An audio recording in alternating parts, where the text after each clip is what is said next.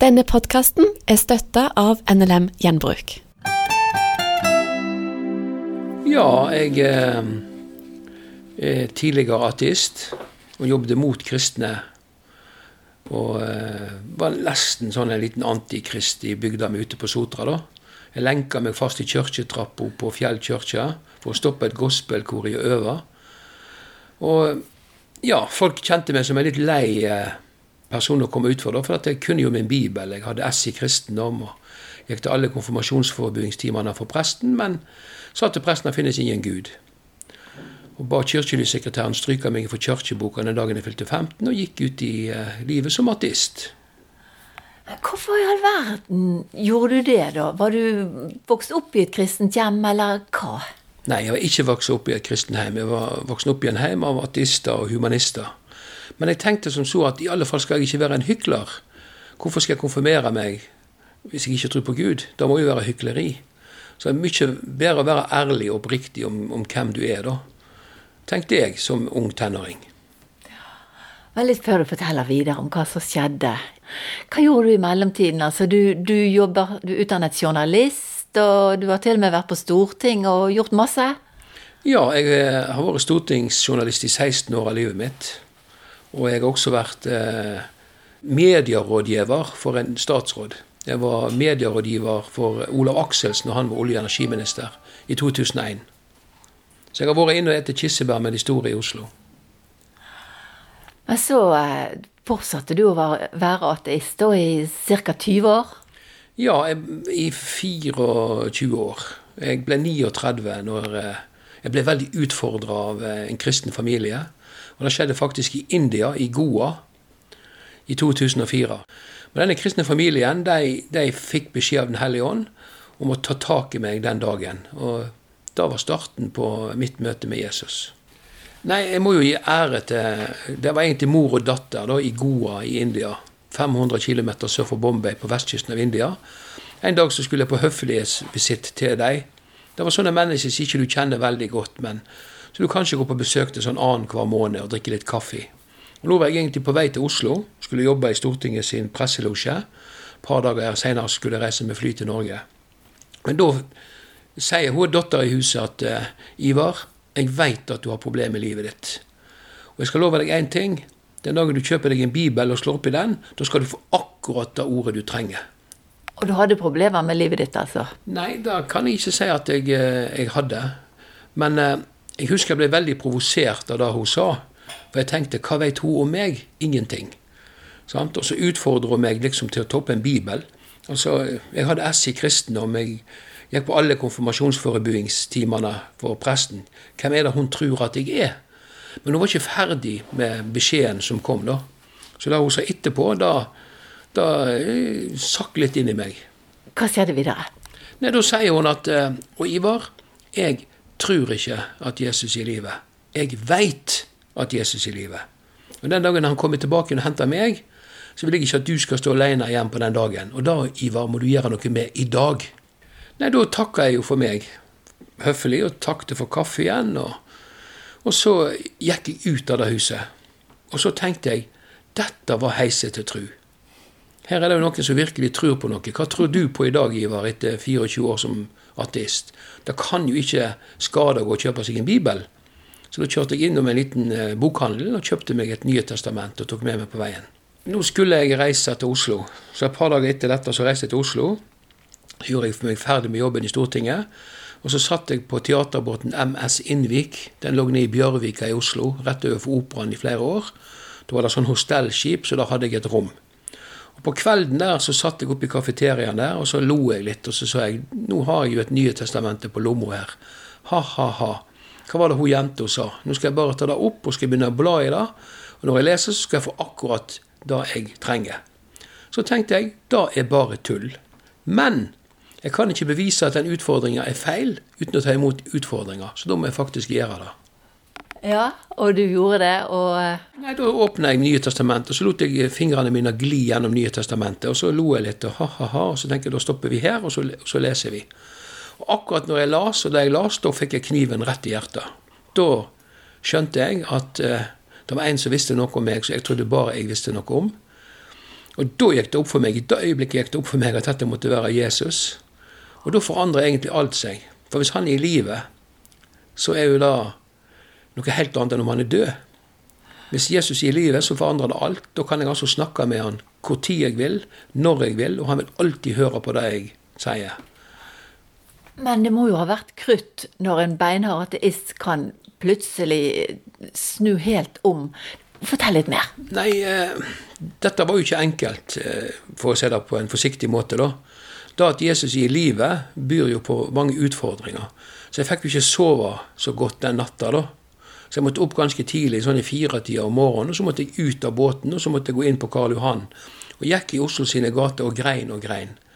Og jeg grein i sånne bølger. To minutter av sorg og to minutter av glede.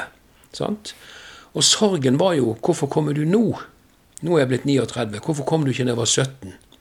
Så hadde jeg sluppet å gjort all denne jekelskapen som jeg har gjort. Lurt mange hundre ungdommer vekk ifra deg, Jesus. Sa at du er en konspirasjon, du er en svindel. Slapp å lenke meg fast i ei kirketrappe ute på Sotra. Men så grein jeg av glede. For det gikk opp for meg at da er det jo sant. Du er i livet. Da døde du på korset, da. Og du tok min plass på korset. Sant? Men jeg kunne ikke helt forskjønne at han kunne tilgi meg. Det var litt vanskelig å forstå. Så mye gale som jeg har gjort. Men jeg grein jo også av glede for at det må jo da òg være sant. Og da kommer du til det tidspunktet der du faktisk må overgi deg.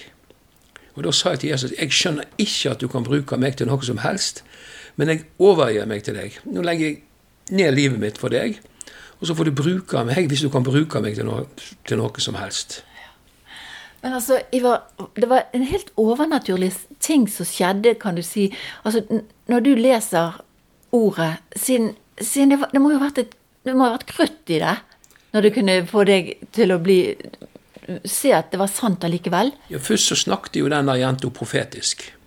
Det andre er at når, når, hun ikke går på kompromiss med sannheten, så følger Den hellige ånd opp. Og Det er litt av utfordringa for oss kristne i dag. Vi vil så gjerne bli elska av alle og av verden. Og Vi går gjerne på kompromissets vei, men det vi da, vi da gjør, er å stenge ute Den hellige ånds mulighet til å få et spillerom. Jeg var sånn, så utfordra av hun og Jesus satt og smilte i himmelen og sa, ja, dette liker jeg, min kjære datter. Nå skal jeg ta tak i Ivarfjell, og så skal jeg sende Den hellige ånd. Akkurat som Paulus. Sant? Nå, Paulus, skal jeg vise hvem du skal jobbe for. Han trengte ikke blinde meg og slå meg av hesten, men det ble jo en skikkelig sånn Paulus-omvendelse på meg, da. Og Det var ikke alle som trodde at dette her var en ekte omvendelse heller. Det var mange kristne som var skeptiske. Hva er det Ivar Fjell pønsker på nå? Skal han inn i menigheten og ødelegge den òg? Så det bare ble et annet menneske av, av Jesus, da kan du si? Ja, altså jeg, i, i møte med Jesus så, så, gikk hele mitt holistiske, ateistiske livssyn i knus. I tusen knus. Det var ingenting som holdt i møte med han.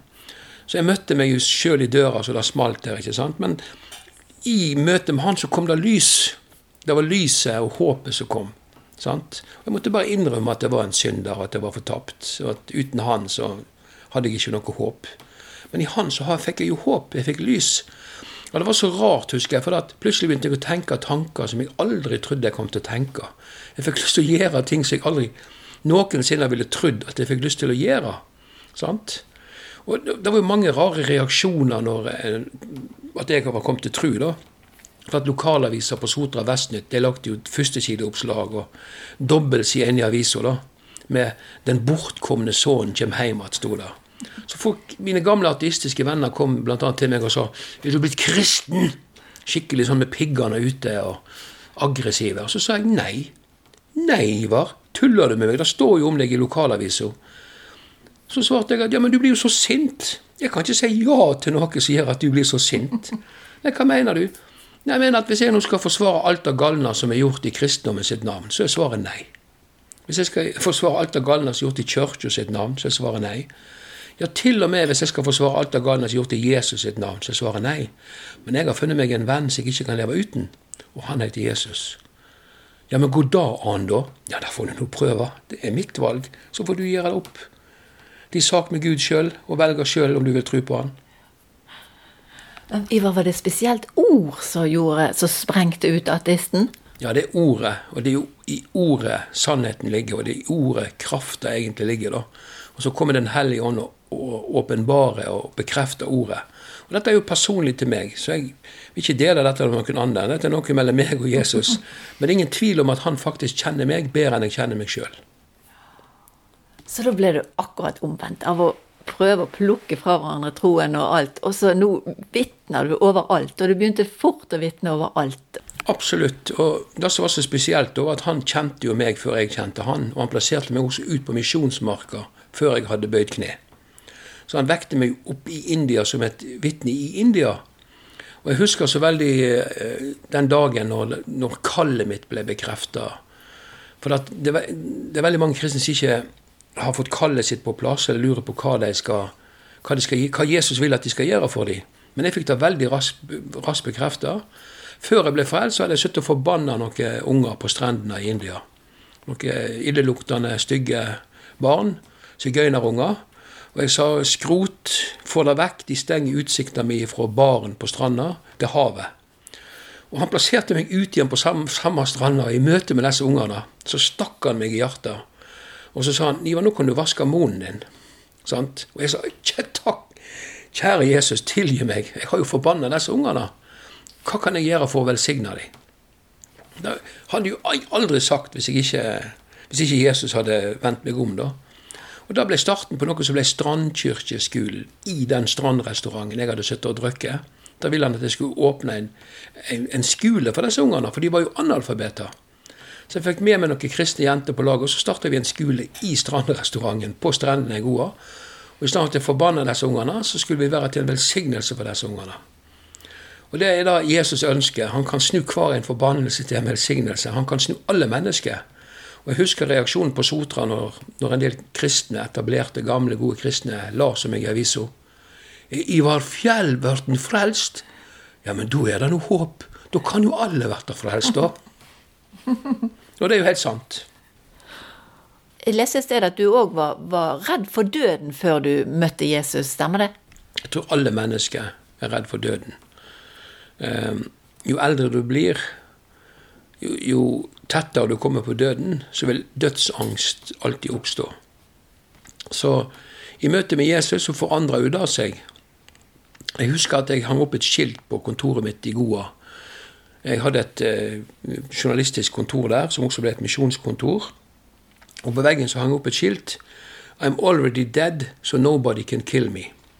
Jeg er allerede død, så no ingen kan drepe meg.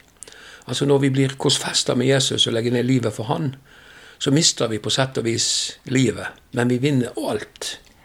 Så jeg tror da at et av de rådene jeg kan gi til mange kristne, er at du, du må rett og slett overgi deg. Vi synger det gjerne i den sangen 'I surrender all'. Eh, men du må faktisk legge ned livet ditt.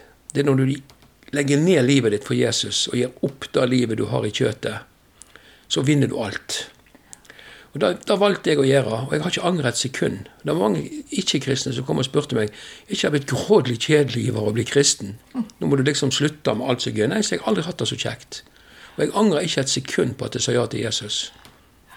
Og du har jo også skrevet bok om livet ditt, hva som skjedde når ateisten sto på for fullt, og hva som skjedde etterpå.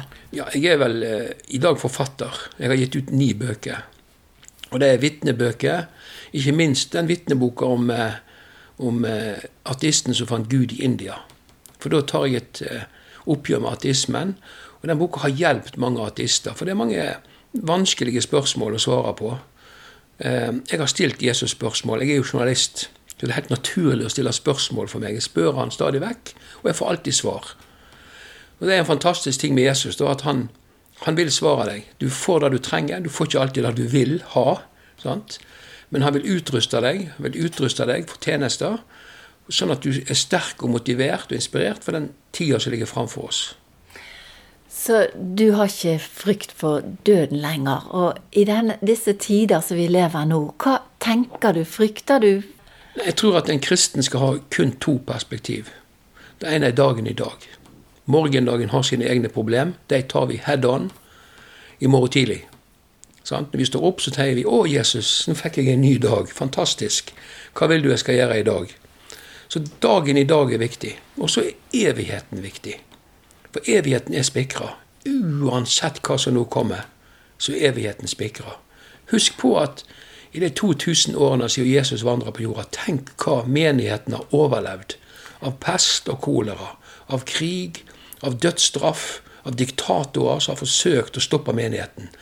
Den kan ikke stoppes, den kan heller ikke stoppes nå. Fordi at Jesus har sagt 'helvetes porter skal aldri vinne over min menighet'. Så menigheten står, og menigheten går, og menigheten følger Jesus og akter handler på hans befaling. Så du mener vi trenger ikke frykte i denne tiden så det skjer så veldig mye, veldig mye tøft rundt oss? Nei, jeg må si som vestlending og som stril. Jeg må si noe bra om havstrilene. Eh, Striland er de som bor rundt Bergen. Jeg kommer vest for Bergen, derfor er jeg havstril. Eh, vi har tålt alt som har blitt kasta på oss gjennom tusen år. Alle lavtrykk og alle virus. Og vi veit vi, vi, må stå han ut. Og vi står han ut. Og det er da som, Om, om regjeringa i dag vedtar i Oslo at nå skal ikke vi tillate at det skal komme flere vest, lavtrykk innover Vestlandet, så veit Stril at vi kan ikke feste noe lit til at regjeringa klarer dette. Vi tar disse lavtrykkene som kommer, på stående arm. Og vi står han ut. Alle kristne nå, min oppfordring til alle kristne, stå han ut. Uansett hva som kommer, så er Jesus der. Stol på han. Jesus sier 'frykt ikke', stol på meg og stol på Faderen. Og det er det vi skal gjøre i tida som kommer. Det er klart det er mange mennesker som har det tungt nå. Det er mange mennesker som frykter. De har ikke noe framtidsvon. Ungdommer blir permitterte. Vi kan oppleve masse arbeidsledighet i Norge. Depresjon kanskje i, i flere år framover. I verste fall. Men så sier Jesus, 'Kom til meg, du som har tungt å bære'. Og Det er min oppfordring til alle nordmenn i dag i den situasjonen vi står i. Jesus vil aldri svikte deg. Kom til Han, la Han bære de tunge børene du bærer på. For hans bør er lett. Og det er det, den meldingen må ut. Kom til Jesus. Har du prøvd alt mulig annet, så sier jeg OK, prøv Jesus. For veldig mange mennesker så stoler de på alle andre ting. Pengene, banken, huset, hytta, bilen, aksjene mine. Men ikke dette her nå gir deg trygghet, så skal du prøve Jesus. Han er veien, sannheten og livet, og ingen kommer til pappa i himmelen utenom gjennom han. Bøy kne, be om nåde, og følg Jesus. Det er veldig mange mennesker som, som, tror at Jesus har eksistert. Det er veldig mange som tenker at han er en fantastisk person. Han gikk på jorda og gjorde veldig mye bra. Men de sliter med dette her om han har stått opp fra de døde. Og Bibelen sier at hvis du sier med munnen din og tror i hjertet ditt at Jesus sto opp fra de døde, så kommer han til å redde deg. La han være redningsmannen. Fordi han har sagt 'Jeg kommer igjen'. Jeg kommer igjen og henter alle de som tror på meg. Og Det er det er poenget her, at Jesus kom ikke bare én gang for å dø på et kors. Han døde i Jerusalem. Han døde på Golgata. Han tok min plass og din plass på korset. Spikra syndene våre til korset. Og i hans blod er alle våre synder vaska vekk, og vi er gjort rein. Men han kom igjen. Hvorfor må han komme igjen? Jo, fordi han kommer og redder oss. Og da kan tenkes at vi skal oppleve ganske tøffe tider framover nå. Men vi som har Jesus i hjertet, vi vet at vi trenger ikke frykte, fordi han kommer igjen. Attkommer at Jesus kommer nærmere dag for dag. Veldig mange ting i verden tyder på at den nå er rett rundt hjørnet. Og for en herlig dag når vi skal se han sånn som han er. Er boden eller klesskapet ditt blitt fullt med ting som ikke er i bruk? Gjennom NLM Gjenbruk kan din kjole eller dress bli til rent vann for mennesker i Afrika, eller til nye skolebøker for unge i Sør-Amerika. Våre gjenbruksbutikker tar imot det meste, men husk at det du leverer er rent, helt og pent. Vi er behjelpelige med henting, og kan også ta imot dødsbo. Finn din nærmeste butikk på nlmgjenbruk.no. Velkommen til oss. Du har hørt en podkast fra Petro. Du finner masse mer i vårt podkastarkiv på petro.no.